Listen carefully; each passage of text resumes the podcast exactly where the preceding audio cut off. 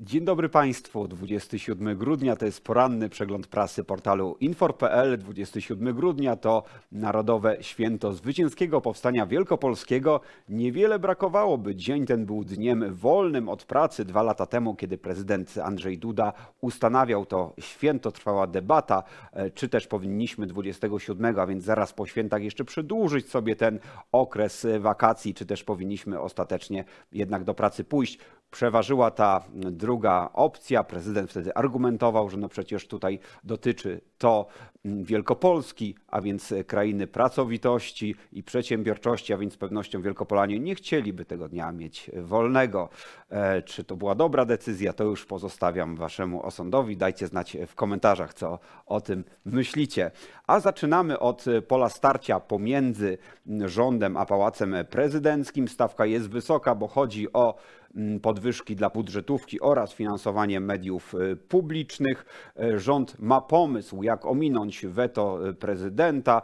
Mówiąc w skrócie, chodzi tutaj o uchwalenie swojej wersji mm, poprawki do budżetu, w której znajdzie się tam finansowanie Y, podwyżek dla budżetówki, natomiast nie będzie tam kwestii spornej, czyli finansowania mediów y, publicznych, y, a zatem Andrzej Duda tego nie zawetuje.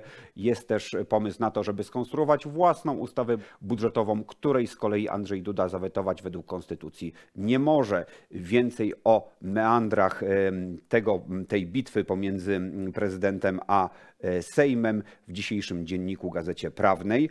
E, dobre informacje, jeśli chodzi o e, wydatki na armię i procedurę kontroli budżetu, e, procedurę kontroli deficytu ustanowioną przez Komisję Europejską. Otóż dzięki ustaleniom na Radzie Ministrów Finansów Unii Europejskiej nie będą wydatki na armię zaliczać się do tej procedury nadmiernego deficytu, co oznacza, że Polska, która balansuje na krawędzi tych wydatków, może uniknąć tego unijnego topora. O tym również w dzisiejszym dzienniku Gazecie Prawnej.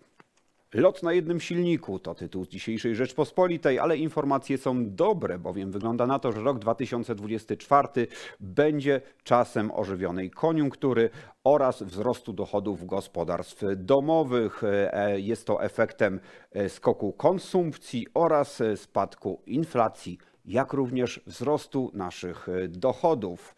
Także będziemy się cieszyć większym dobrobytem w roku 2024, a także wzrośnie nasz eksport. To z kolei informacja z dzisiejszego pulsu biznesu, pisze Ignacy Morawski, główny ekonomista tego tytułu, mm, który zadaje sobie pytanie, czy Polska może być beneficjentem słabości niemieckiej gospodarki i może włożyć dalej nogę w drzwi do pokoju z największymi konfiturami biznesowymi. O tych konfiturach i o tych dobrych wiadomościach w dzisiejszym pulsie biznesu. Fotowoltaika. Na ten cel wydano w Polsce już 3 miliardy złotych w ramach programu Mój prąd. Rynek ten ma możliwości rozwojowe, jednak potrzebuje bodźca. O tym, czego potrzebuje polska energia słoneczna w dzisiejszej gazecie wyborczej.